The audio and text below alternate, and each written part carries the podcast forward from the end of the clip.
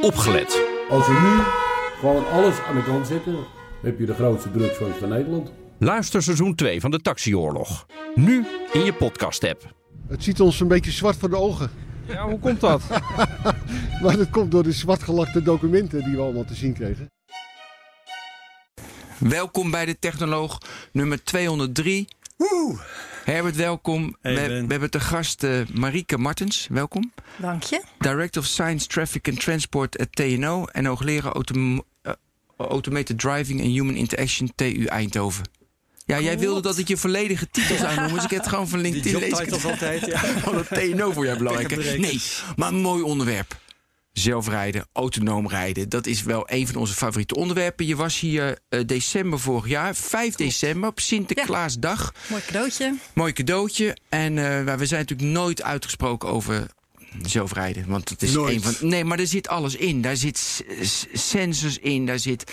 eh, eh, AI zit erin, intelligentie zit erin, Big data. menselijk gedrag zit erin. Nou, dat, dat vind ik natuurlijk met name leuk dat ik als psycholoog voor de bent tweede keer ben ja. uitgenodigd bij Ja. de technoloog. Ja, Ja, ja, ja, ja. En eh, de verandering van eh, hele steden zit erin, van het wegennet. Eigenlijk komt alles samen in zelfrijdende auto's.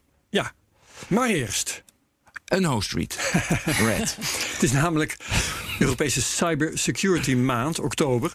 En daarom wordt eh, de technoloog deze week gesponsord door Orange Cyber Defense. Ze zijn in heel Europa bezig met alle initiatieven om organisaties, maar ook gewone mensen, eh, meer bewust te maken van de risico's van het internet en van digitalisering.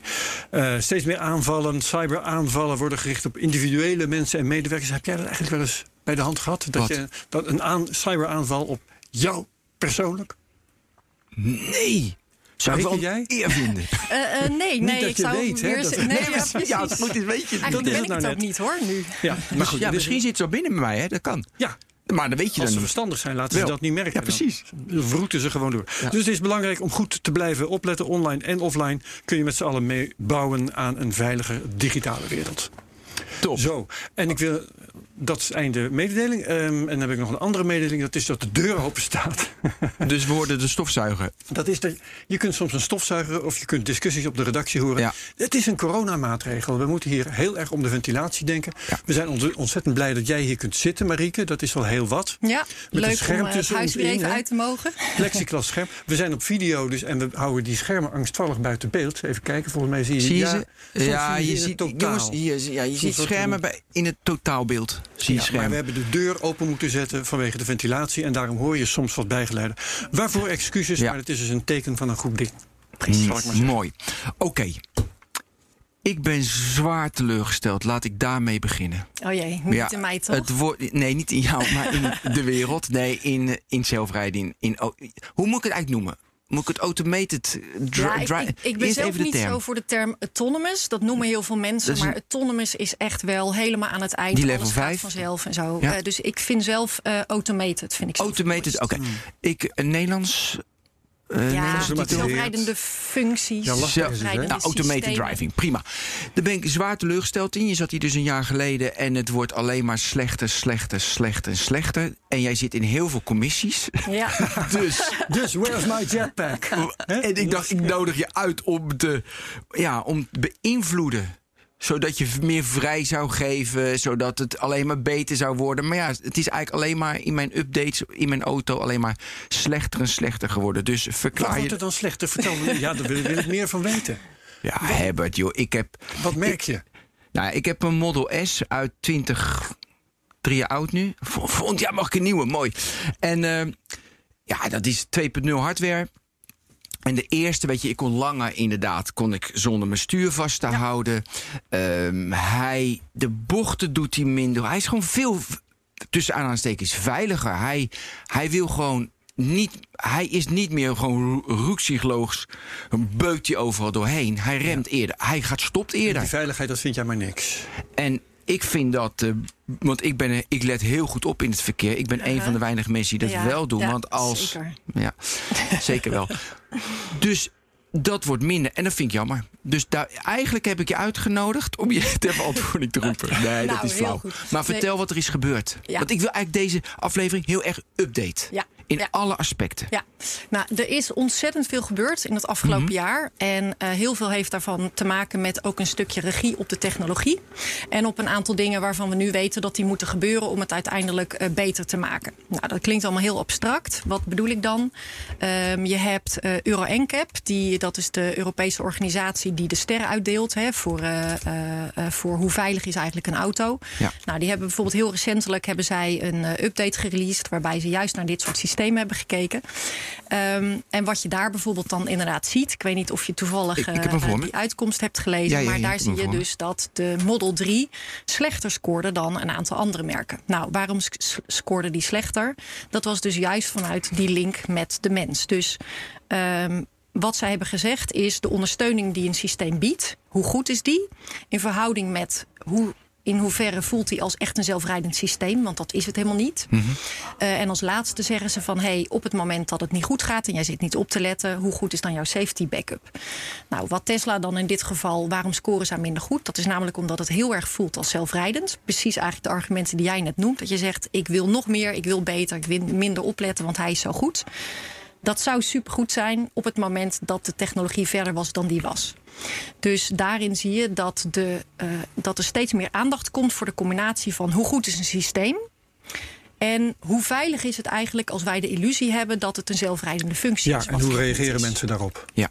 Dus, dus, dus dat is één. Hè? Dus, want er zijn een paar dingen, daar kunnen we denk ik eh, zo nog op terugkomen. Dus Euro NCAP is één. Ehm, ja, maar laten we die gelijk een beetje uitdiepen, toch? ja, Waarom ja, niet? Kijk, ze maken dus een balans. En op die site staat, er komt in de show notes, maken ze een mooie balans tussen de vehicle assistance en driver engagement. En er moet een balans zijn. Ja. Maar dan heeft iemand verzonnen dat daar een balans in moet zijn. Ja.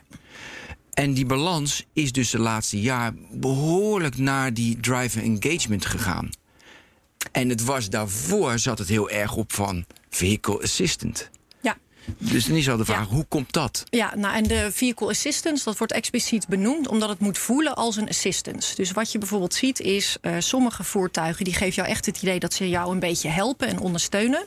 En andere systemen geven jou het gevoel dat ze het echt van jou overnemen. En wat je dan bijvoorbeeld ziet is op het moment dat jij denkt, hé, hey, eh, die systemen maken fouten. Hè? Dus op het moment dat je denkt van, oh, hij gaat toch iets te ver de bocht uit, heb jij dan het idee dat je echt hard je best moet doen om dat ding eruit te trekken en Ja. eh, de goede kant op te gaan.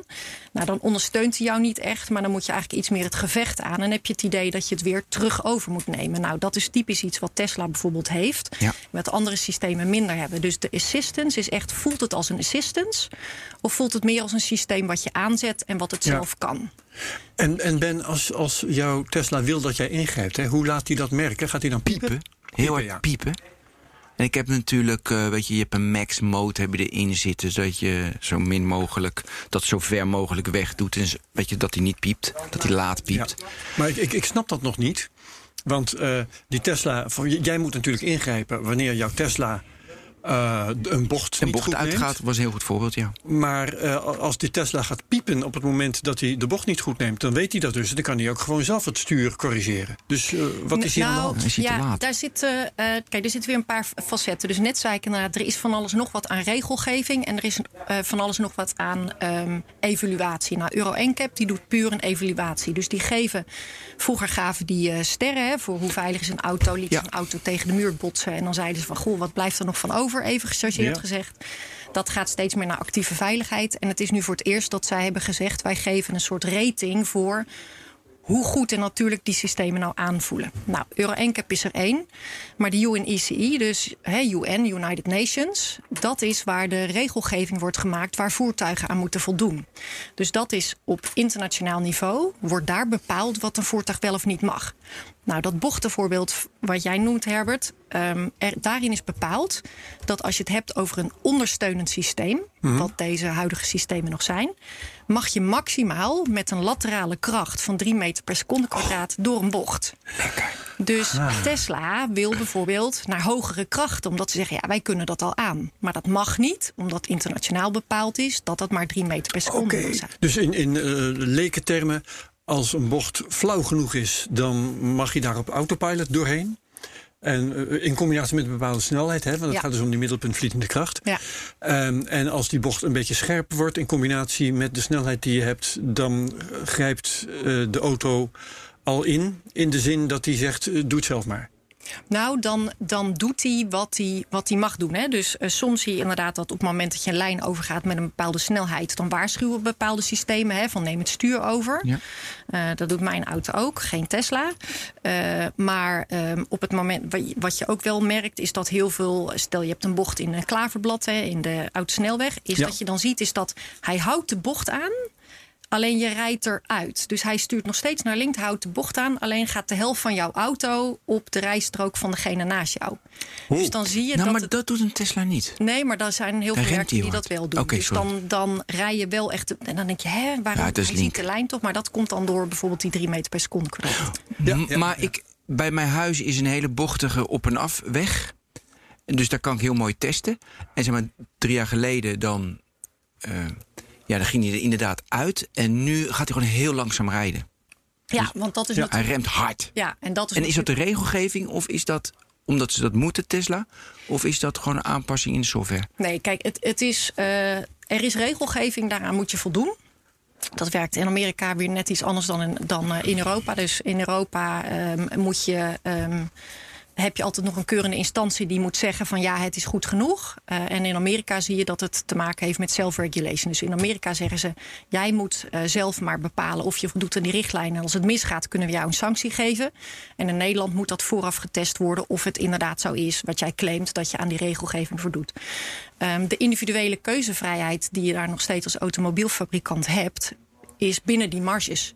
Dus wat doe jij op het moment dat jij bijvoorbeeld, hè, laten we die 3 meter per seconde kwadraat nog even aannemen, dan kan het zijn dat jij een, een alarmpje geeft, hè, dat jij uitgaat en zegt neem het maar over. Het kan ook zijn dat je zegt ik blijf het wel doen, maar ik rij er langzaam uit. Het kan ook zijn dat je zegt ik ga langzamer rijden.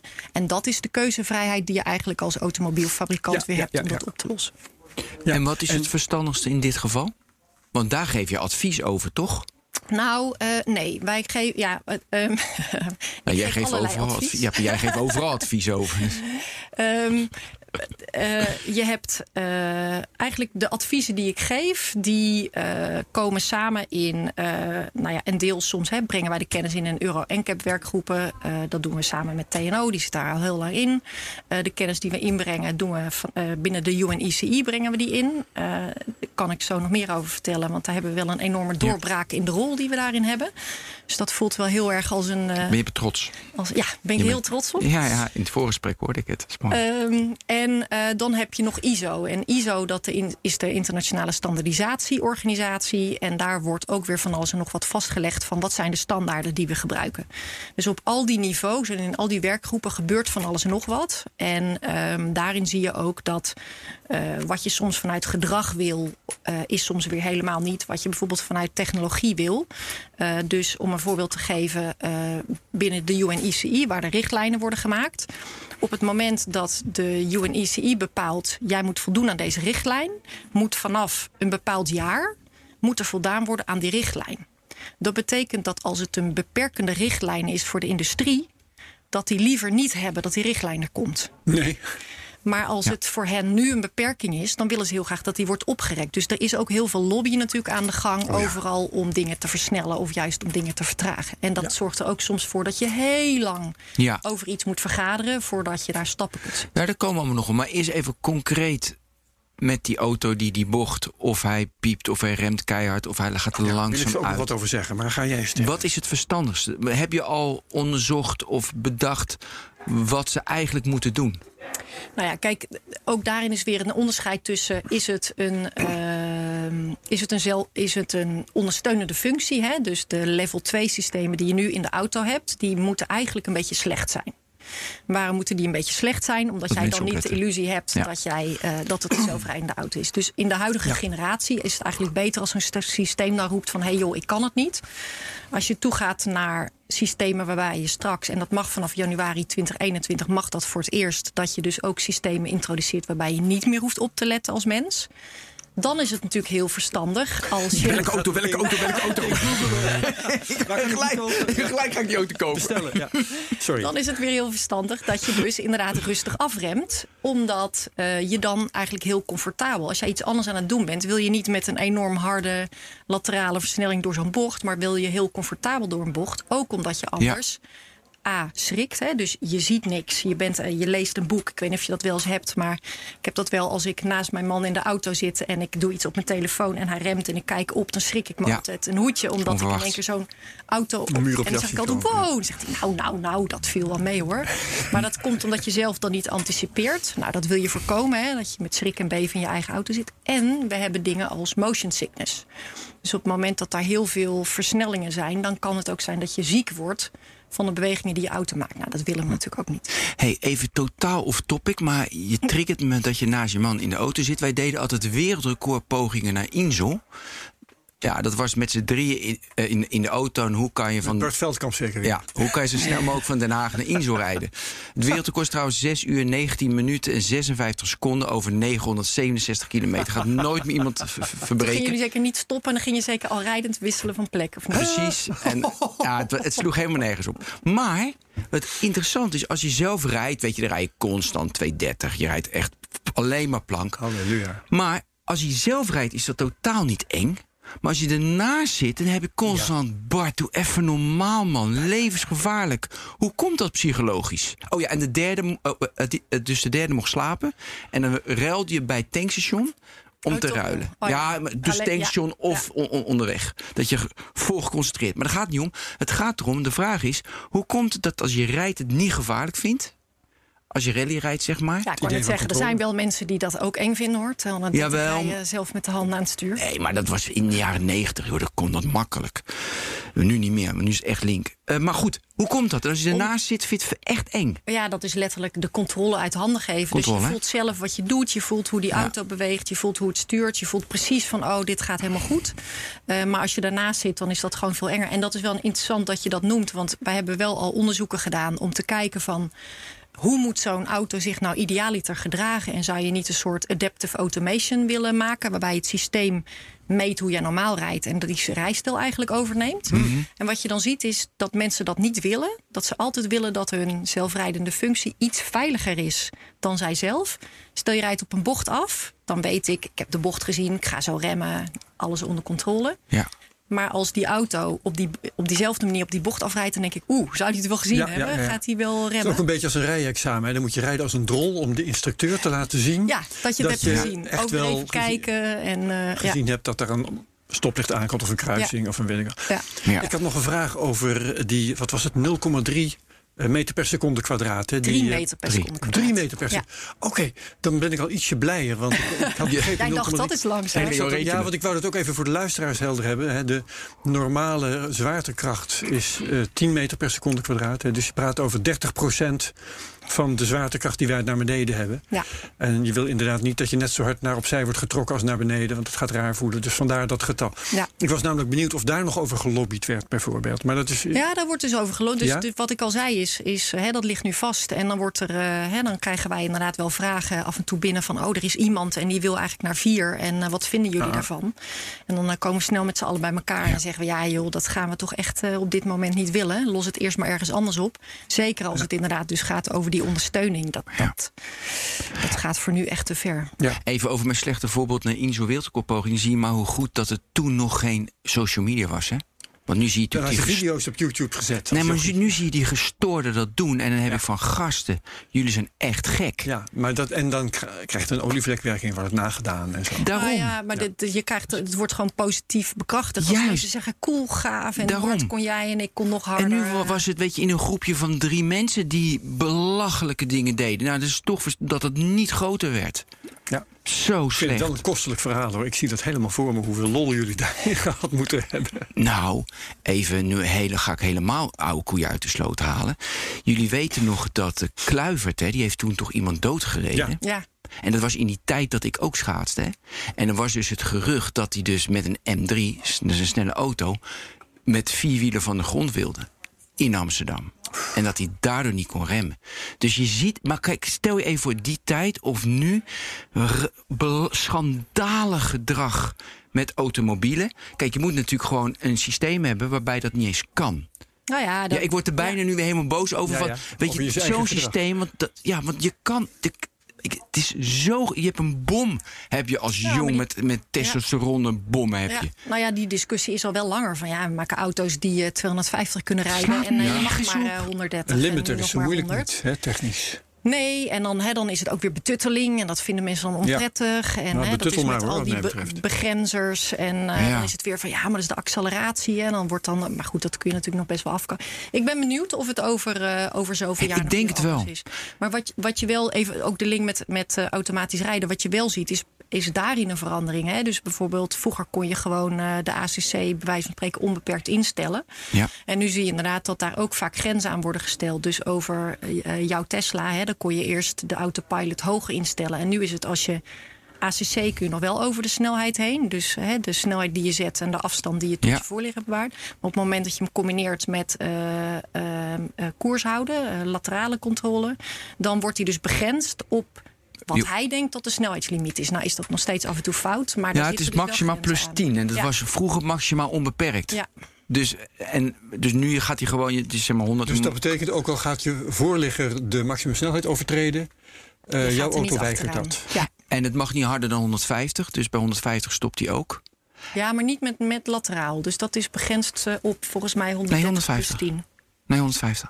Are you sure? Ja, ja, ja. Ja, ik rijd nooit 150 natuurlijk. Nee, natuurlijk nee, niet. natuurlijk niet. Tuurlijk niet. En die... Heb je ook, ja. ergens gelezen, toch? Ja, ik heb ergens gelezen. en die afstand is, al, is inderdaad kleiner geworden. Of jij zei, wat, hoe, hoe is die slechter geworden? Afstand is nu groter, waardoor inderdaad, wat je ook in de vorige uitzending zei, Ja, ja, ja. komen mensen ertussen. Dat is ook. Ja, dat is wel grappig, want je, je zit net te pleiten... We bouw die auto nou zo dat jochies met tes- testosteron hun zin niet krijgen. Ja, ik ben- Maar tegelijkertijd klaag je zelf over dat hij te veilig wordt gemaakt. En, Ik ben zo. Ik, ik heb hier geen eenduidige mening over. Nee. Ik ben hier. Ik vind dit zo lastig, want ik ben een mens. moet allemaal nog wennen, ook, ik, blijkbaar. ik, ik ben niet eenduidig. Want ik heb gedrag dat ik af en toe denk van ja, dat is gewoon niet handig. Terwijl ik. Nou, het is gewoon je buik en je ratio, waar Ja. jij natuurlijk de hele dag als, eh, als psycholoog mee zit. Ja. Nou ja, en, en wat wel een hoop verschil gaat maken... is op het moment dat je dus, wat jij ook al zei... echt wel iets anders kunt gaan doen achter het stuur... Ja.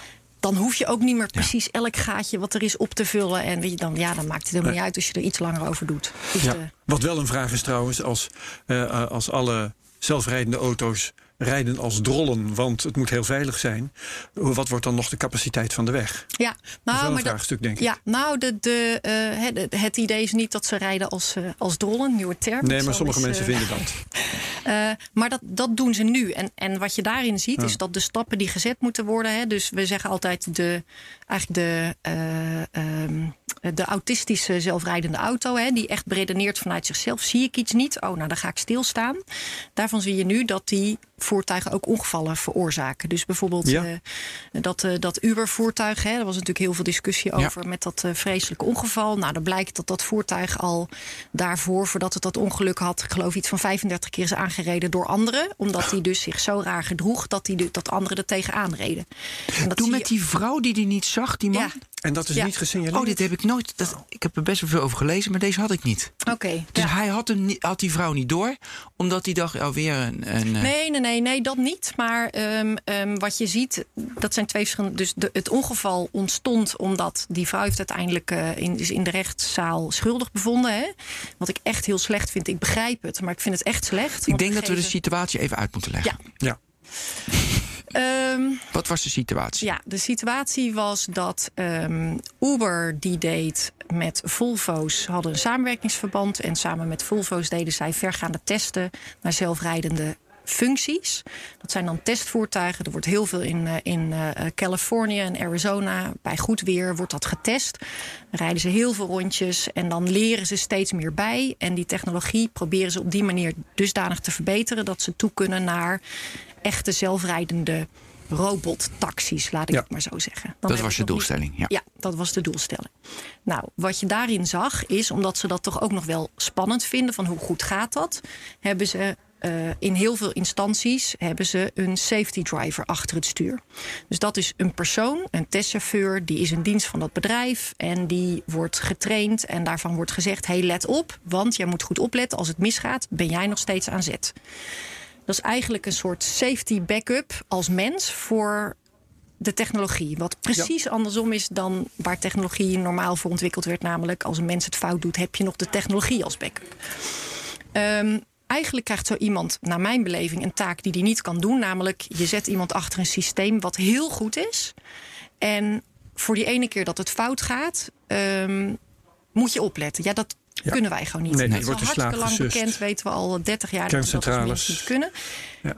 Plus, daarbij kwam dus ook nog, en daar is Volvo ook door naar buiten gekomen, want dat was een Volvo. En heel veel mensen zeiden dus van, oh, Volvo, hè, die maakt heel veel reclame voor veiligheid. En dat het nou net een Volvo was die die eh, mevrouw eh, eh, doodreed.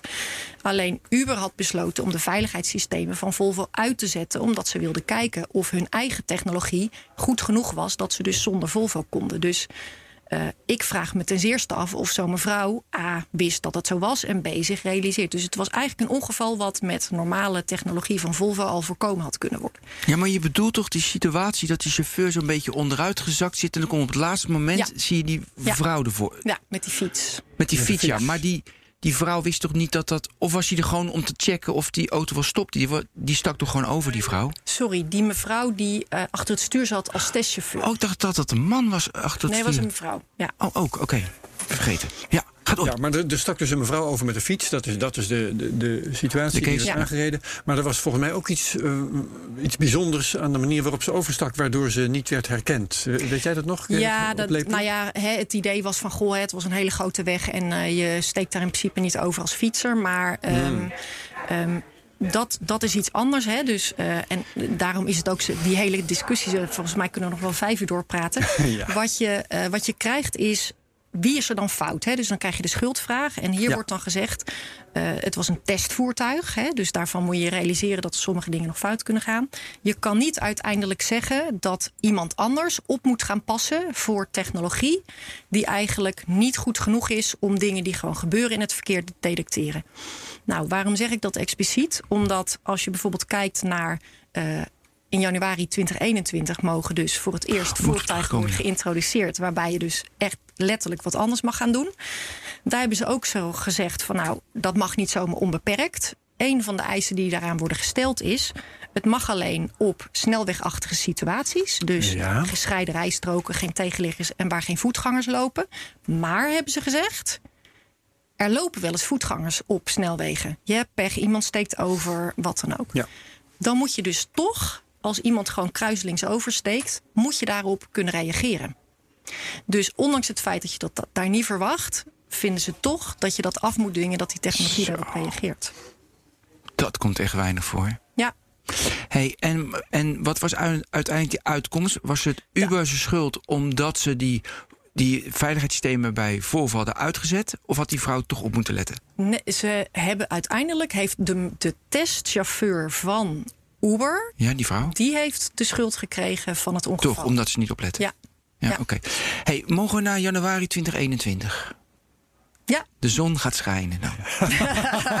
corona Een is nieuw voorbij. jaar, een nieuw begin. Maar het is puur nee. een regelgeving, hè? Want qua Ja. technologie kunnen de auto's het al. Eh, nou, dat is de vraag. Ehm, het mag dan formeel. Ehm, en de vraag is nog steeds of ze het dan gaan doen. Want er is dus nu voor het eerst, eh, dus dat is van de zomer is dat uitgekomen. Vanaf januari 2021 mag dat. Dat betekent dat er een hele lijst van eisen zijn gesteld waaraan je dan moet voldoen. En nou is het de vraag, welke automobielfabrikant gaat dat aanbieden? En die moet dan vervolgens aantonen dat hij aan al die criteria voldoet. En vervolgens is het dan, om het Nederlandse voorbeeld maar even te noemen, aan de RDW om te zeggen: ja, dat klopt, jullie voldoen aan die regelgeving, je Ja. mag de weg op. Nou, ehm, hebben we dan het Walhalla? Eh, nee, nog niet, want het betekent maximaal 60 km per uur. File, file rijden dus, ja. Precies. Dan komt het neer op file rijden, omdat Ja. je dan zeker weet dat mensen niet heel hard rijden. Want je hebt dan de combinatie inderdaad snelwegachtige situaties... die Ja. ik ook wel nader gedefinieerd zou willen zien... en 60 km per uur max. Ja.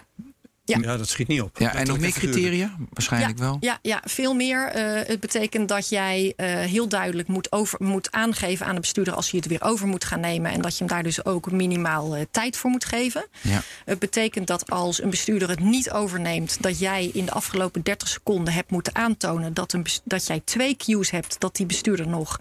eh, eh, oplet, namelijk hè, waar die zit, dat hij nog in de stoel zit, dat hij zijn gordel vast heeft, dat hij naar voren heeft gekeken, et cetera, et cetera. Dat jij dus eh, ook om kunt gaan met eh, eh, emergency situaties. Dus als iemand opeens heel hard invoegt. kan een normale ACC nu slecht mee omgaan. Dat je daar dus toch een soort collision avoidance op Ja. kan eh, plaatsgeven. Maar je mag niet de rijstrook uitrijden. Dus ze noemen dat systeem ALKS, Automated Lane Keeping System. Hele verwarrende term, want hij Nou. doet niet alleen lane keeping, maar hij doet ook het laterale stuk. Maar daarmee proberen ze aan te geven dat hij dus niet van rijstrook gaat wisselen. Dus je blijft echt in jouw eigen rijstrook. Ehm, je moet een black box hebben. Dus er moet, als er wat gebeurt, moet het opgenomen worden. Ehm, Zo, Nou ja, laat maar zitten. toch al. genoeg. genoeg. Ja, laat maar Ja. zitten. Nee, vooral ook omdat Tesla vanmorgen natuurlijk aankondigde dat ze een beta-versie nu op de snelweg in Amerika, ik weet, uit gaan brengen. Dat ze wel eh, eh, stoppen voor stoplichten, eh, doorrijden bij stoplichten. Dus full autonomous. En, en dat, dat is wel, hè, als je dan kijkt naar Euro NCAP en eh, deze nieuwe eh, mogelijkheden. Wat je dan ziet is, als je vanuit de NCAP-evaluatie zie je nu, hè, was iedereen een beetje zo van haha, Tesla, hè, die scoorde Slecht, maar, ja, eh, matig. die scoorde maar eh, eh, moderate. Eh, terwijl een aantal eh, very good scoorden. Nou, dan zie je dat op die balans zitten. Maar wat je wel ziet is dat eh, als je de detailrapportage bekijkt, wat deed Tesla heel goed? Tesla had een goede safety backup. Ja, ik zag Dat is het. dus belangrijk voor dat A- eh, ALKS-systeem. En zij zijn dus inderdaad ook goed in, als er een auto inkomt, reageren ze er snel op. Dus zij kunnen waarschijnlijk wel, ondanks het feit dat iedereen nu zegt, ah, ze deden het niet zo goed, haha. Kunnen zij wel sneller bijvoorbeeld zo'n stap maken naar zo'n level 3-4 systeem voor Ja. filerijden? En dat doen ze waarschijnlijk in Amerika. Oefenen ze nu zodat in januari kunnen bij de nieuwe auto's in januari.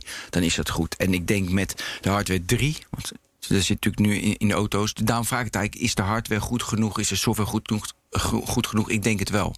Ik denk dat het meer nu regelgeving is dan Ja, eh, dat auto's het niet kunnen op ik- dit niveau. Ik denk dat ze inderdaad al wel eh, vrij ver en vrij veel, eh, veel Ja. kunnen. En het enige waar je nog discussie over zouden kunnen hebben is dat het Tesla zegt nu dat die camera die naar binnen gericht is, dat ze daar in principe niks mee doen. Maar dat het alleen is dat als ze in de toekomst, als jij je auto als taxi gaat uitlenen en iemand doet iets met het interieur van je auto, dat je dan kunt checken wat, wie dat was en wat ze hebben gedaan. Maar zij zullen uiteindelijk dan ook wel iets moeten met die driver monitoring. Ja. En dan krijg je nog wel de kans dat mensen zeggen: ja, dat wil ik niet, ik wil niet in de gaten gehouden Ja. worden. Dus daar verwacht ik ook nog wel iets op. Maar er zijn vaak vage dingen hoor. Want Ja. heel vaak denk ik van, hé, waarom gooi je me nu eruit? Want ik heb gewoon mijn hand netjes, weet je, ik doe, ik leun mijn hand aan het stuur, waardoor hij denkt dat ik het stuur vast, ja, dat heb ik vast, maar dat ik ook oplet. Maar vaak denk ik van, hé, heb ik dan mijn ogen niet voldoende op de weg, waardoor hij me waardoor hij mij er- eruit gooit? Het is best wel vaag. Soms Ja. snap je het niet helemaal. Nee, nee. Dus, oké, Mag ik maar trouwens, Ja. ehm, als ik jouw plannen doorkruis, moet je het maar zeggen. Nee, maar ik ben, ik ben zo benieuwd. ehm, eh, ik, ik begrijp deze regels, omdat alles wat ik hoor is die zelfrijdende auto's die eh, de- de- worden overschat. Zeker in een situatie in een stad bijvoorbeeld. Tegelijkertijd hoor ik dat Waymo nu echt begint met een zelfrijdende taxiservice. Ja. Dat eh, lijkt me daar aardig mee in strijd. Eh, wat is daar aan de hand dat eh, ze dat toch durven en mogen? Ja, Ehm, nou daar is wat je heel vaak In ziet in de, in, de, in de pers ook, is dat ze een permit hebben voor het testen met bijvoorbeeld geen safety chauffeur meer. Dus dan ziet het er echt uit als een Ja. zelfrijdende auto. Hij rijdt rond en er zit niemand in. Dan zie je eigenlijk een, een paar. Heel veel mensen denken dan van: oh, dat is autonoom, echt autonoom rijden. Eh, maar er zijn twee aspecten. Het ene is dat het eh, getest wordt in eh, relatief goede omstandigheden. Hè. Ze doen dat niet zelf, niet voor niks allemaal in dezelfde staten waar het veel weer is. Amerikaanse steden veel rechtdoor. Geen ingewikkelde rotondes en weinige fietsers en voetgangers. Ehm, en het tweede is dat, wat je er niet aan afziet, is dat die voertuigen dus getest worden op specifieke trajecten. Dus het zou best wel kunnen dat dat op een gegeven moment kan op die trajecten, omdat ze daar elke keer getraind zijn en dus precies weten van hé, hey, dat was er de vorige keer niet, daar moet ik even voor oppassen. Maar dat wil niet zeggen dat als jij zo'n auto koopt, dat je dan eh, daarmee op een andere weg waar die niet voor getraind is kan gaan rijden. Ja, dat is natuurlijk een belangrijk maar goed, heel veel mensen rijden iedere dag dezelfde weg. Naar hun werk bijvoorbeeld. Ja. Trouwens, over corona en automobielen moeten we Ja. het ook nog hebben. Want er verandert natuurlijk van alles. Ja, nu al die auto's en het wordt allemaal minder. Ehm, dus dan zou dat wel kunnen. Dus hij, dan zou mijn auto meer autonoom rijden naar mijn werk. Maar niet als ik naar Herbert ga. Want daar rijd ik niet zo vaak naartoe. Ja, dat zou Hey, kunnen. en even over Waymo heb je dat. Ja, dat heb je natuurlijk ook gezien. Maar even voor de mensen om te vertellen. Herbert, een auto rijdt. En die moet linksaf moet je afslaan. Maar er komen auto's tegemoet. Ja. Dus hij wacht gewoon tot er geen auto's dus tegemoet komen en hij gaat linksaf. Nou, vind ik zo knap. En ook dat filmpje dat je dus eh, met Leiden, dus die auto's hebben Leiden, dan zie je dus echt helemaal de boven waar de auto's vandaan komen. Ja, ik vind spectaculair wat ze doen. Ja, het is natuurlijk wel sowieso, al die ontwikkeling is natuurlijk gewoon hartstikke fascinerend. En er kan gewoon Ja. steeds meer. En waar ik wel zelf blij om ben, is dat we eh, in Europa dingen anders doen dan in Amerika. Hè. Dus dat hele zelfregulatie, ja, dan ben je wel net even iets te laat. Maar wat je, wat, waar we nu naartoe moeten, en dat is wel echt iets waar eh, we gelukkig nog eh, heel wat in te doen hebben. Nou ja, aan de ene kant jammer en aan de andere kant wel fascinerend. Is hoe gaan we dit nou met z'n allen doen? Dus ehm, vroeger had je heel simpel regels. Hè? Je moet zo hard kunnen remmen. En eh, het is verplicht dat je een eh, rembekra- eh, rem- stuurbekrachtiging hebt. En al dat soort eisen. Hoe eh staan je lampen erbij? Ja. Maar dat wordt heel complex. En zeker ook met die software-updates en met AI... Ja. moeten wij toe naar een hele andere vorm van toelating. Je kan niet eenmaal Ja. zeggen, wij laten dit voertuig toe... en daarna is het klaar.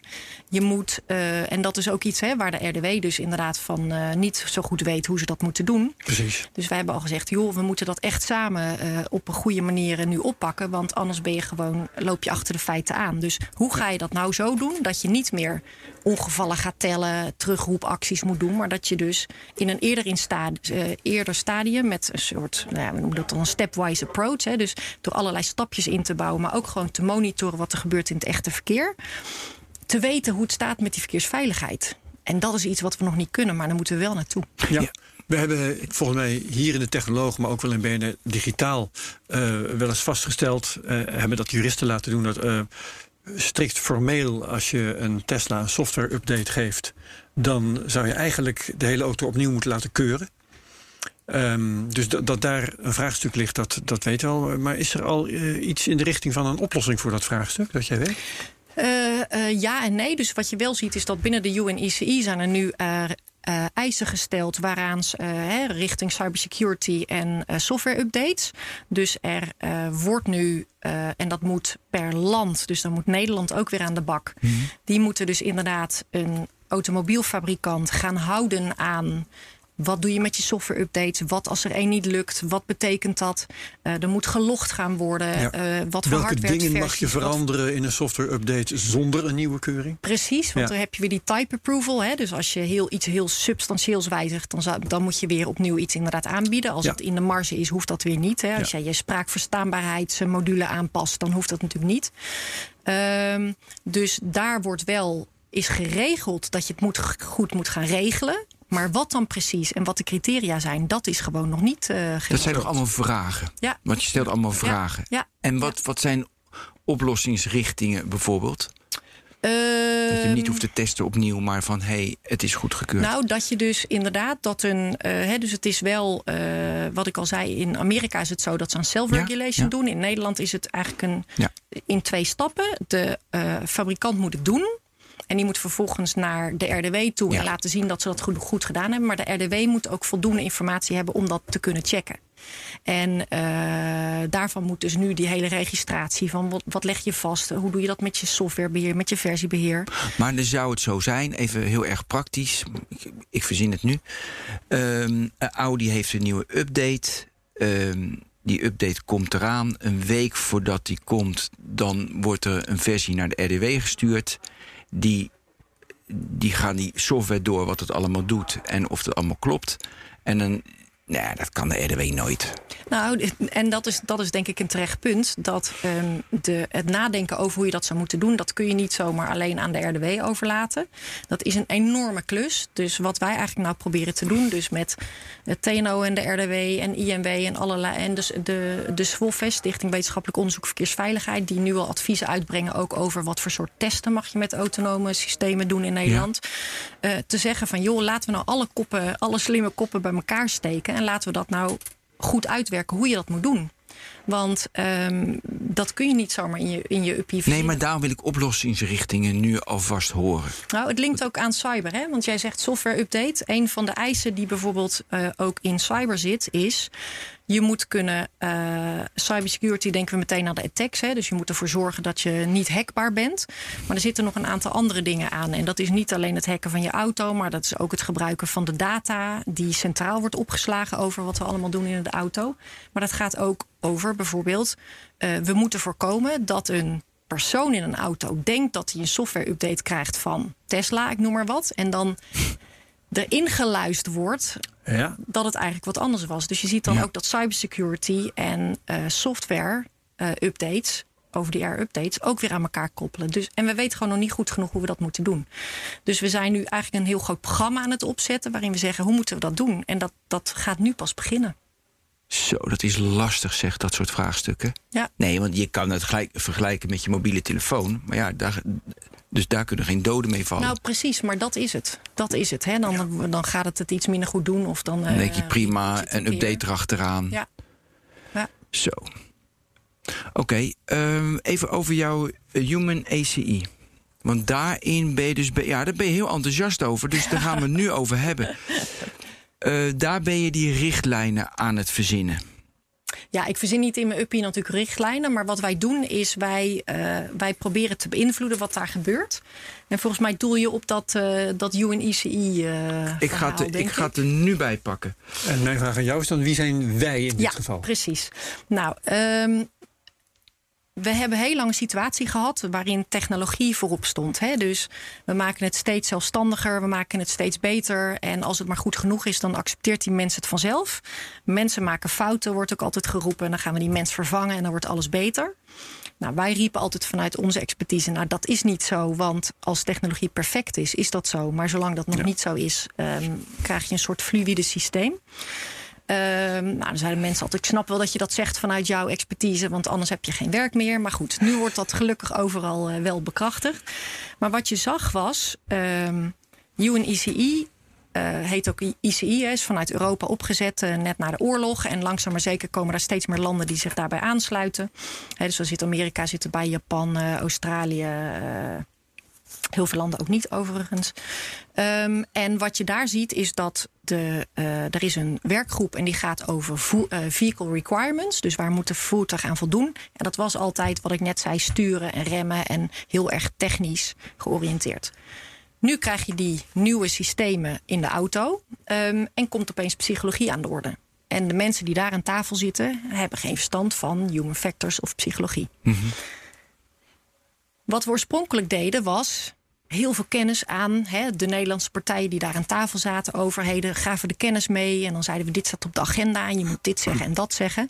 Maar dat werkt niet goed, omdat je komt daar, er wordt heel veel gelobbyd, de hele wereld zit daar aan tafel en dan ben je gewoon een van de partijen.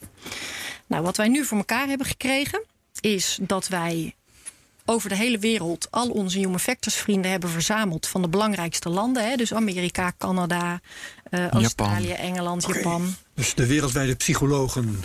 Ja, op, op, dit vakgebied ja, ja, hebben wij verzameld. En wij geven dus nu ons eigen landenadvies, zodat al die landen daar aan tafel dezelfde ideeën hebben. Maar wij zijn nu ook formeel uh, bekrachtigd als een formele instantie. Dus wij mogen ook zelfstandig daar onze adviezen indienen. En dat is wel echt heel uniek. En noem eens een specifiek advies. Uh, nou, een specifiek advies wat we nu hebben, eigenlijk een aantal dingen. Dus bijvoorbeeld, we hebben net iets uh, geroepen rondom uh, remote operators. Volgens mij hebben we het daar de vorige keer ook heel kort over gehad. Ehm, wat gebeurt er dan daar ook weer? Dan wordt er gezegd: je hebt een mens. Uh, uh, je hebt een zelfrijdende auto. En uh, als die mens het niet meer kan, dan neemt die zelfrijdende auto neemt het over. Als de mens het gaat overroelen en die doet de foute dingen, dan negeren we dat. En als het dan echt misgaat, dan sturen we het naar een remote operator en die mag het dan uiteindelijk oplossen. Dus we gaan een derde eigenlijk zwakke menselijke schakel introduceren. En die krijgt dan uiteindelijk weer de blame als het misgaat. Nou, daarvan hebben we echt gezegd, dat moet je niet doen. Wij hebben categorieën gemaakt. Uh, uh, taken die mensen zouden kunnen doen als remote operator. Nou, dan kom je er misschien meteen tot negen. Zeiden van, nou, dat is een beetje te veel, dus laten we maar eens even beginnen met drie. Um, maar wat we daar bijvoorbeeld hebben gezegd is on the fly overnemen. Dus je hebt echt een situatie, het gaat bijna mis en je hebt iemand op afstand zitten die gewoon on the fly die autobesturing moet overnemen. Moet je gewoon niet doen. Want een remote operator zit gewoon in een in, in, in, in, een- in, in een kamer, die heeft allemaal schermen met allemaal auto's. En die ziet daar een rood lampje en die neemt die auto over. Niemand die het weet, want dat bestaat nog niet. Maar er wordt nu wel wordt daar al Ja, toch? regelgeving Dat zijn over toch de gemaakt. beelden? Maar dat is, dat is Ja. de beelden die mensen inderdaad hebben. Dus dan krijg je inderdaad ook van... wat mag zo iemand, wat moet zo iemand, hoe moet die getraind worden. Maar ook, laten we nou niet met z'n allen in diezelfde valkuil stappen... dat we alle dingen die misgaan op de weg... dat we die nu eh, mis gaan laten gaan bij die remote operator. Ja. Trouwens, ik zit ineens te denken, heb je, was ook in de technoloog, maar er was een NRC-artikel, dat vond ik echt geweldig. Er was een militair die ging s'morgens naar zijn werk en dan reed hij een bunker in. Die ging in een stoel zitten en dan startte hij een drone in Afghanistan. Dan ging de hele dag een beetje rondvliegen en dan hup, die moet dood. Dit doen ze nu natuurlijk allemaal automatisch, die drones, want die denken gewoon die met, eh, met ge- gezichtsherkenning, die moet dood. Maar voor, dat werk is gek, van 9 tot 5 en je gaat een drone bedienen. Dat heb je straks natuurlijk ook met die auto's. Dus Nou, ik ga naar mijn werk. Ja, nou ja, dat, dat, is, het, dat is het idee. Hè? Dus dat dat zo zou grappig. kunnen. Nou is het wel zo dat je, ehm, eh, dat je dus nu nog de kans hebt. Vandaar dat we ook hebben gezegd van wij willen echt dat document nu uitbrengen. Ehm, er zijn hele logische dingen die je zou kunnen doen. Dus op het moment dat je inderdaad zegt van joh, ik, eh, mijn auto staat ergens stil, ik kom er niet meer uit. Er zit een persoon in die geen rijbewijs heeft. Dat je dan even meekijkt van joh, wat is daar aan de hand? En dan kun je best wel bijvoorbeeld een auto weer op gang helpen. Of dat je meedetecteert van wat is er nou aan de hand. Dat zou logisch kunnen zijn. Maar niet on the fly als safety backup. Nee, het is ook denk ik eh, in het verdienmodel van een autofabrikant. Want ik eh, dacht even dat het daarover ging. eh, Ja, is, je- dat, is dat niet te rechtvaardigen? Nou, het, het is niet te rechtvaardigen. En al zou je het kunnen rechtvaardigen, dan nog is het niet iets wat je kan. En het mooie is wel dat. Precies, economisch niet. Maar jij zegt psychologisch kan het niet. Psychologisch Ja. kan het ook niet. En dat weten we al in 2003. Hebben we bij TNO al allerlei onderzoeken gedaan. Dat is het leuke als je al wat langer rondloopt in deze Mm. wereld. Dan zeg je, oh, maar dat weten we al. Ja. En dan zie je dus inderdaad dat Ja. schermresolutie. Oké, dus dit is een voorbeeld van een advies dat jullie geven Ja. en dan gaan ze dan Ja, doornemen. maar ook over eh, wat voor soort taken mag je straks achter het stuur gaan doen op het moment dat je wat anders mag, eh, eh, mag gaan doen. Eh, hoe Daar geef je advies over. Ja. Dus Ja. ik mag niet lezen, maar wel YouTube kijken. Of, om- of Ehm, omgekeerd. Ja, dat was niet ons advies. Ook Wat was je advies wel, willen wij dan weten? Maar- TikTokken mag zeker. Maar de- een van de mooie dingen daarbij is ook dat we zeggen van we gaan natuurlijk geen uitbundige lijst maken. Net als toen met appen op de fiets. Hè. Dat was toen ook wat mogen fietsers dan wel of niet. Toen zeiden we ook ja, we gaan Ja, echt ja, niet zeggen je mag niet whatsappen, maar je mag wel. Nee, dat eh, slaat nergens op natuurlijk. en dan loop je altijd achter. Dus wat we nu wel gaan doen, en dat vind jij of heel fijn of heel jammer, ehm, is dat we hebben gezegd: wat jij dan mag doen, is in ieder geval niks met dingen in jouw hand. Dus het zal altijd iets Juist, zijn wat je ja. via jouw scherm bekijkt. Ja. En dat wordt dan weer onderbouwd ook door onderzoeken die wij doen. Wij hebben bij vrachtwagenchauffeurs met truckplatooning... Hebben wij inderdaad gekeken... hoe werkt dat nou als iemand met een iPad... hij mag tijdelijk even wat andere dingen doen. En wat je dan ziet is... ehm, heel veel van de tijd, van de reactietijd... bepaald wordt door een fysiek iets wat iemand moet doen. Dus wat krijg je dan? Iemand, sommige mensen gaan hun iPad helemaal afsluiten, nog een keer checken of die wel afgesloten. In een vrachtwagen moet je dat ding helemaal dan bij die stoel neerleggen. Mensen gaan brillen op en afzetten. Ja. Oh, waar heb ik mijn bril nou ook weer gelaten? En dat bepaalt allemaal mee hoe snel je dat kunt overnemen. Dus daarvan hebben we ook gezegd: het voorlopig worden dat alleen dingen die je dus. Dus dan mag je nog steeds niet op je, met je hand in je telef- eh, met je telefoon in je hand. eh, Maar ik mag wel met voice YouTube bedienen en dat wordt geprojecteerd in mijn ruit. ja, waarschijnlijk wel. Ja, oh, nou ja, ja, dat Nou ja, in je ruit is dan de vraag, hè, maar de- de- dat je dat. eh, Nou, dat of je, net onder mijn ruit. dat je dingen inderdaad kan zien. En het, het mooie is, en dat is een tweede, eh, dus die reactietijd is één. Maar het tweede waarom we dat doen is. Eh, onderzoek laat ook al zien dat mensen zijn helemaal. Je doet een game en je bent net toe aan je volgende level. Of je kijkt een YouTube-filmpje en je ziet bijna de ontknoping. Dan krijg je een boodschap.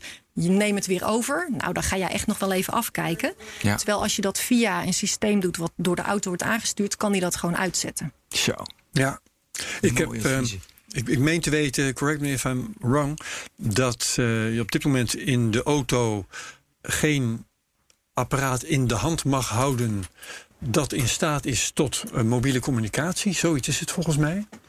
En het mooie daarvan vind ik dat het eh, ehm, een regel is die zich verplaatst in de, eh, de ambtenaar die moet handhaven. Want je kunt van alles en nog wat kun je constateren van buiten. Je kunt in ieder geval constateren dat iemand iets in zijn hand houdt. En nadat je iemand hebt aangehouden, wat voor apparaat dat was. Ehm, als je gaat bepalen wat iemand met dat apparaat mag doen, dan is dat onmogelijk om achteraf vast te stellen. Ook onmogelijk om vast te stellen van buiten het voertuig. Ja, Dus dat, dat vind ik wel mooi aan die regel. Dat die bedacht is eh, om handhaafbaar te zijn. ja, ja. Ja, want dat is natuurlijk altijd een andere belangrijk. Je kan iets verbieden, Ja. maar als het niet handhaafbaar is, Ja, dan alles. ehm, wil nog steeds niet zeggen dat je het dan maar niet moet doen. Maar dan wordt Ja. het wel heel lastig Ja. om ook echt die, eh die En, en, en er zijn altijd tegenstrijdigheden, want eh, ik mag hem niet in mijn hand houden. Nou ja, eh, ik hield, ik hield hem wel in mijn hand, maar ik deed er niks mee. Maakt niet uit. Ehm, Ja, ja. op die manier werkt het gewoon. En ja, dan. dan eh, Moet ik, moet ik meteen aan zo'n eh, zo'n eh, een, een cabaretier, ik weet niet meer wie het was, die had dan op een gegeven moment die zei: Ja, dat vind ik leuk. Dan ga ik met zo'n met zo'n blik met smekken aan mijn oren rijden. En dan word ik aangehouden door de politie. Zeg ik: Hoezo? Ik mag toch wel een blik smek aan mijn oren houden? Die kende ik niet. Mooi. Eh, eh, verandert de mens nog een beetje? Dus passen ze zich beter aan? Zie je daar een ontwikkeling in? Wat In de vorige keer dat je hier was, we het ook even van de technologie leidt de mens of de mens wordt geleid door de technologie of andersom. Eh, Zie je nog veranderingen daarin? Ja, ik denk op zich dat de, dat de mens zelf niet heel erg verandert. Maar je groeit wel mee met de technologie die er is. Hè? Maar ook in de Dus- auto bedoel ik nu. Hè? Ja. Je ziet dat ze. Ja, dus, dus dat. dat daar, zit, eh, daar zit ontwikkeling in. Dat ze beter op gaan letten, bijvoorbeeld als het stuur over moet worden genomen. Of, eh, kijk, het meest bekende is natuurlijk je verplichte gordel. Mensen gaan harder rijden, want ze wanen zich veilig. Eh, dus dat is gedragsverandering van Ja. de mens. Ja. Zie je daar veranderingen in? nou, die maar dan met, auto, eh, zeg maar met zelfrijden. Nou ja, die, kijk, die gedragsadaptatie, dat is, het klinkt als adaptatie, maar het is heel stabiel dat we dat als mens doen. Dus ik noem dat geen verandering, Nee. want gedragsadaptatie is iets menselijks. Dat was vroeger zo en dat is nu nog zo. Dat is natuurlijk ook waarom we allemaal op onze telefoon gaan kijken als we eh, met ondersteunende systemen rijden, omdat we denken dat ze zelfrijdend zijn. Ehm, ik geloof wel dat eh, dingen die we nu nog eng vinden, hè, dus zeker in het begin, als je dan eh, niet meer hoeft op te letten, zul je toch wel vaak waarschijnlijk nog op gaan letten. Als je daaraan bent en steeds meer vertrouwen krijgt en bekrachtigd wordt dat die technologie goed gaat, geloof ik wel dat je je dan veiliger en prettiger eh, waant dan je misschien nu zou. Dat je echt met de gerustheid Waant, de krant gaat lezen. Bij Ja, wijze van spreken. Ja. Maar ook daarin hè, is het, ik vergelijk het altijd met eh, je bent de passagier in een taxi. Dan is het ook afhankelijk van hoe die taxi rijdt. eh, of jij dat wel of niet doet. Als die man door, of vrouw eh, door het verkeer heen Ja. en weer gaat en, en, en heel vaak keihard remt. Dan ga je dat ook minder goed doen. En als je in een stad een eh, taxi, ja, dan ga je ook niet een boek lezen. Want dat voelt heel onprettig met alle bochten die je omgaat. Dus die parallel die, eh, Ja. die zal langer zijn. En, en wat Ben net schetst als, eh, eh, dat zal waarschijnlijk wel mogen, hè, dat je door een eh, heads-up display naar YouTube zit te kijken in het verkeer. Ehm, zijn er eigenlijk al studies van of dat, of dat echt wel een goed idee is? Ik zaag maar even aan Ben zijn stoelpoten. Nou ja, er, er, zijn, eh, er zijn studies die laten zien... ehm, wat gebeurt er nou als je mensen andere dingen eh, laat doen. Hè? Dus, Ja. eh, en dan zie je heel erg dat wat mensen nu doen... heel erg past bij wat mensen nu doen. Dus dat zal in de toekomst zal dat ook nog wel veranderen. Hè? Dus als je je stoel op een gegeven moment kan om gaan draaien... en je kan gaan televergaderen met projectie van je collega's... en dan, dan, ben je helemaal uitgeschakeld natuurlijk als je je stoel omdraait. Ja, dat het einde verhaal. Ja, maar wat je, wat je wel inderdaad ziet is eh, dat voorbeeld wat ik net noemde, is dat mensen wel heel erg in iets worden gezogen. eh, waar ze dan eigenlijk op dat moment geen afscheid van willen nemen. Dus op Ja, basis daarvan zeiden we ook van ja, maar dat, dat moeten we gewoon echt niet, eh, niet willen. Nee. Want Ja. dan schiet het zijn doel voorbij. Ja. En eh, in dat voorbeeld wat ik net gaf van die, eh, eigenlijk dat level 3-4 systeem, wat dan vanaf januari 2021 mag, daar is wel een safety backup. Eh, maar uiteindelijk is dat alleen maar een safety backup voor als het echt misgaat. Dus je wil gewoon dat die bestuurder het weer netjes overmaakt. En andere studies laten weer zien dat op het moment dat mensen weten wanneer ze het weer moeten overnemen, dat ze vaker daar ervaring mee eh, hebben gehad. Dat ze ook weten van oh, ik ga zo de snelweg af en dan kan die het niet meer. Dat dat allemaal helpt in de snelheid van het overnemen van die rijtaak. Ja. Mag ik even terugkomen op de data? Ehm, weet je, van wie is die data? Is die van, is die van autofabrikant of van mij? Wat is de laatste inzichten daarin? Ik heb zelf al een idee wat ik vind, maar ik wil Nou, aan een expert vragen. Ja, het is, nou, ik ben geen expert in data hoor. Eh, maar wat je wel ziet is dat eh, eh, we hebben ook een, een EU-rapport net uitgebracht vorige maand. Dat ging over ethiek. en zelfrijdende auto's. En daar speelt data en privacy natuurlijk ook een grote rol, los van verkeersveiligheid en, en verantwoordelijkheid. Daar wil ik trouwens sowieso zo meteen ook nog wat over zeggen. Is dat je wel ziet dat data en informatie is wat anders. Dus eh, data die Tuurlijk. traceerbaar zijn tot jouw persoon, is maar de vraag of dat nodig is, bijvoorbeeld om technologie te verbeteren. Dat wordt vaak gezegd van hè, we gebruiken al die data en dan worden we steeds beter. Terwijl je best wel kan zeggen dat data op een geaggregeerd niveau wordt opgeslagen, waardoor je nog steeds kan leren, maar op groepsniveau zeg maar jouw data beschikbaar zijn en niet meer Ja. op individueel niveau. Welke krommen beschrijft een auto over, de weg eh, in, in bochten en dergelijke? Ja, Dat- hoe lang duurt het voordat iemand het stuur weer overneemt? Wat is Ja. de variëteit? Dan maakt het helemaal niet uit dat, de, dat Ben er eh, heel eh, snel bij was en dat ik er Heel heel lang langzaam. over doe. Maar, Maar een bekend probleem daarbij is wel ehm, als je persoonlijke informatie eraf gaat stropen, wanneer is het echt niet meer tot personen Ja. te herleiden? Er zijn mooie voorbeelden van met Google searches en dergelijke. Ja. Dat je zelfs alleen op basis van wat zoekt iemand, dat je achter eh, identiteit kunt komen. ja, ja. Ja, Dus, en hoe meer je maar ja. deelt, hoe en, en eh, eh, ehm, ehm, eh, bestemmingen, aankomst, hè, herkomst, Nou, heb je informatie. Dat is Precies. natuurlijk ook, hè, dat was al met, eh, met Tom Tom toen het geval van, oh, die moesten hè, het begin van de reis weggooien en de, de eh, rest van de reis. Mhm. Want als je die, je telefoon ook, hè, als ze weten dat jij eh, de hele nacht, eh, dat jij elke nacht acht uur lang op één adres bent, dan is de kans best groot dat je daar woont. Ja. Eh, ja, dat is allemaal niet zo. En als eh, dat heel niet je woonadres is, dan is Dan het heb iets je wat anders. uit te leggen thuis. ja. Ja. Ja. Ja. Jij wilde nog iets zeggen, maar nu Ja, ben ik over eh, verantwoordelijkheid volgens mij. En nou, over ethiek, want dat, eh, Ja, dat eh, dat e- er is een, eh, eh, vorige maand een EU-rapport uitgekomen. Eh, dan moet ik eigenlijk even meteen corrigeren. Het is geen EU-rapport. Het is een rapport dat wij als 14 Europese experts hebben uitgebracht aan de Europese Commissie. Dus het was wel in opdracht van de Europese Commissie, maar het is niet een rapport van de Europese Commissie.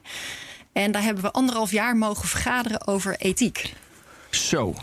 En, Daar moet wat ehm, moois uitgekomen zijn. nou, het is het, fantastisch. Ehm, en dan zie je dus, daar hebben ze eh, filosofen en psychologen en eh, eh, juridici en eh, allerlei mensen bij elkaar gezet van nou, zoek het nou eens een keertje uit. En daar hebben we ook een aantal, nou uiteindelijk zijn het heel veel aanbevelingen, maar er waren er een paar waarvan ik dacht, vind ik wel even interessant om te noemen. En het ene is, we kwamen namelijk net over die liability. Hè, van wie is nou verantwoordelijk? Nou, wat je krijgt is, op dit moment hebben we een automobielfabrikant en die zet iets op de weg. In het voorbeeld van Uber zie je al, was het nou Volvo, was het nou Ja. Uber? Eh, misschien al waren de camera's wel van, eh, van eh, partij A en was de technologie van partij B. Software, ja precies. En wat wij dus echt wilden vermijden, was dat mensen allemaal naar elkaar gaan wijzen. Want wat je bijvoorbeeld krijgt, is ik noem maar wat, we zitten nu in Amsterdam. De gemeente Amsterdam wil iets doen. En er gebeurt iets. En ze zeggen later, ja, maar wij hebben natuurlijk helemaal geen verstand van technologie. Wij wisten niet dat dat ding zo slecht was. En die ander zegt, ja, maar goed, het was in opdracht van. En jullie hebben nooit gezegd dat. Dat, daar moeten we echt vanaf. Ja. En Nou, dus Eh. wij, wanneer is wie schuldig? Wanneer is wie schuldig? En wij hebben gezegd wat je moet doen. Ehm, en dat was een hele discussie. En daarom vind ik het wel interessant nu om te noemen, omdat we nu klaar Ja, ik zijn. ben Dus benieuwd. nu, eh, ehm, er waren dus een aantal mensen in die commissie, in onze expertcommissie, die zeiden: het moet altijd traceerbaar zijn naar één individu. En die is dan eh, blamable. Dat zeiden de juristen zeker. Dat lijkt me echt zo'n juridische... Ja, waarschijnlijk. Oké, gaan we door. Misschien wel. Ehm, dus wat je dan krijgt is... in de organisatie zei hij... het moet altijd traceerbaar zijn naar één individu. En dan gingen ze de hele boom door. En wie is dan uiteindelijk verantwoordelijk? De individuele programmeur. En daarom dacht ik... dat is echt zo verschrikkelijk fout. Als we dat gaan doen... nergens op. Dan wordt zo'n individuele programmeur die in bedrijf is van zo'n grote tech-gigant die eh ja, salaris. gezag staat van de manager. Precies. En, ehm, Trump is uiteindelijk altijd verantwoordelijk. En die gaan we dan ontslaan en dan eh, Ja. kunnen we weer lekker Nee, door. Dus daarvan goed, zeiden ja. we nee. Kijk, een persoon kan altijd verantwoordelijk gehouden worden voor het goed uitvoeren van, zijn, eh, eh, van, van, van dat kleine stukje wat hij doet. Hè. En als daar echt eh, eh, eh, stelselmatig Ja, fouten laakbaar in is. worden. Precies, dat is een ander verhaal. Maar het moet het bedrijf zijn wat of die voertuigen maakt of die voertuigen op de weg zet. die verantwoordelijk is. Dus al koop jij eh, eh, systemen in van Bosch en zet jij die in jouw auto, dan kan het niet zijn. Dus dan moet jij je voldoende verdiepen in wat kan, kunnen die systemen, alle testen, et cetera, et cetera. Zodat het uiteindelijk gewoon bij dat bedrijf terechtkomt, zodat het bedrijf ook die verantwoordelijkheid neemt. Dus dat vond ik een hele belangrijke. Ja, maar dan hoef je toch geen anderhalf jaar. Of, ja, er was één, of, eh, één of van ik de. onderschat dit nu. Nou, ehm, sowieso hebben we niet vol tijd uh, anderhalf jaar gehad. Maar de, dat is, dat, dan zie je dus dat het tijd kost. Omdat sommige mensen echt zeggen, jawel, ik wil het wel. Ja. En dan roep ik, nee, dat kan niet waar zijn. Het is echt fout. En dan ga je weer naar huis. En dan heb je drie maanden later pas weer een vergadering. Dus niet En dit die, is een van de twintig die Uber die was dus verantwoordelijk uiteindelijk. Weet je? Dus Ja. even terugkomen Ja. Uber, het bedrijf. Ja, ja. Nou, je kan nog een voorbeeld geven, want dat wilde je. Ja, nou een ander voorbeeld wat ik ook echt heel leuk vind om te noemen... is, ehm er wordt altijd geroepen... een zelfrijdende auto mag nooit de wet overtreden.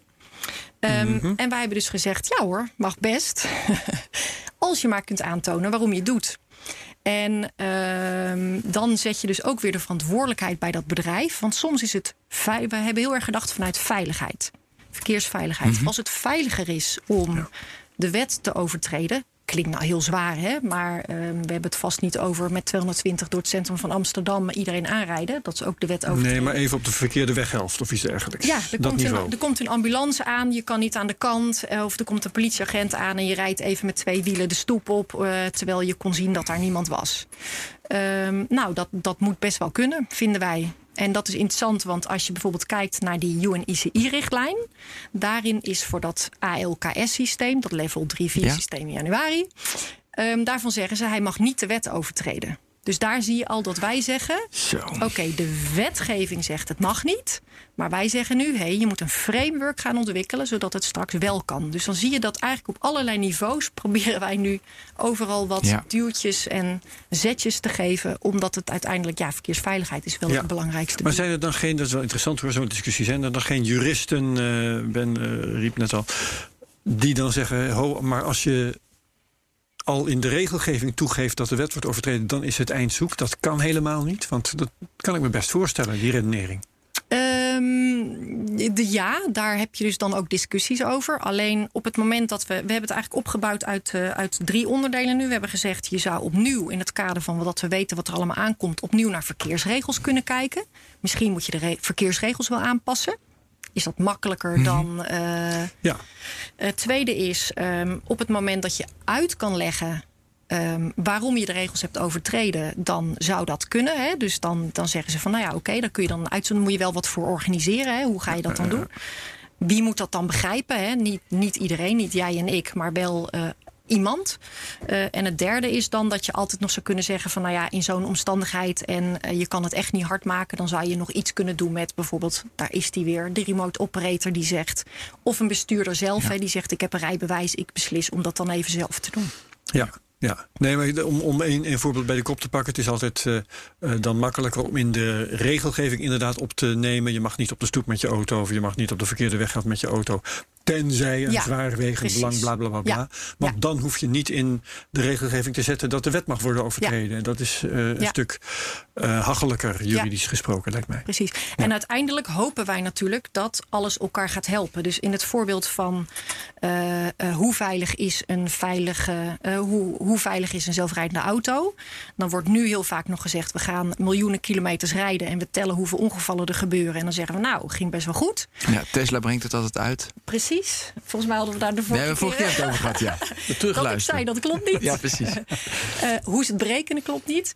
Ehm, maar dat wil je helemaal niet. Want je, A, dat is niet te doen in de toekomst met al die software-updates. Als je dan eerst miljoenen kilometers moet gaan rijden. Dat willen we niet. Ten tweede, we willen helemaal niet dat we ongevallen gaan tellen. eh, want we willen ongevallen voorkomen.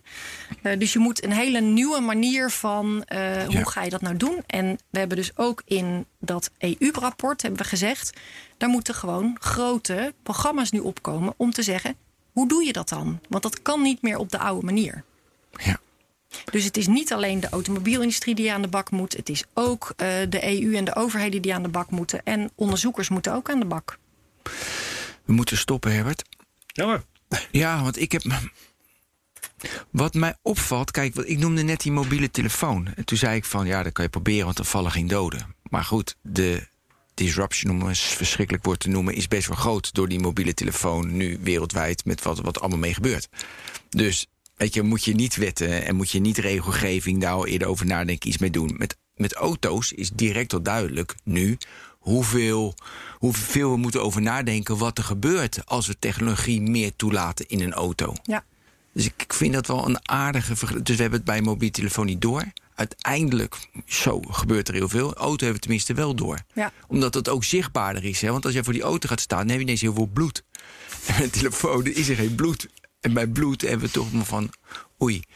Oké, eh, dus dat was ineens wat ik bedacht. Eh, heb jij nog een laatste vraag? Nee, volgens mij niet. Nee. Kom je gauw weer? Ja, we hebben die. Ik heb. eh, ja, ik, mooi. We zijn weer een stap verder gekomen. Vind jij het opgeschoten het afgelopen jaar als laatste vraag?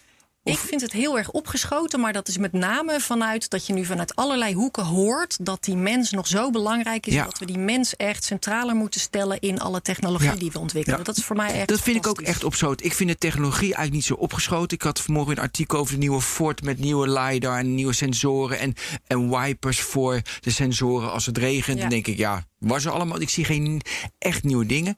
Maar qua regelgeving over denken hoe we met die technologie omgaan, is veel gebeurd. Ja. Oké, eh, dit was technoloog. Ja? Binnen het jaar weer. Precies. dit. Eh, Marieke Martens, da- dank u wel.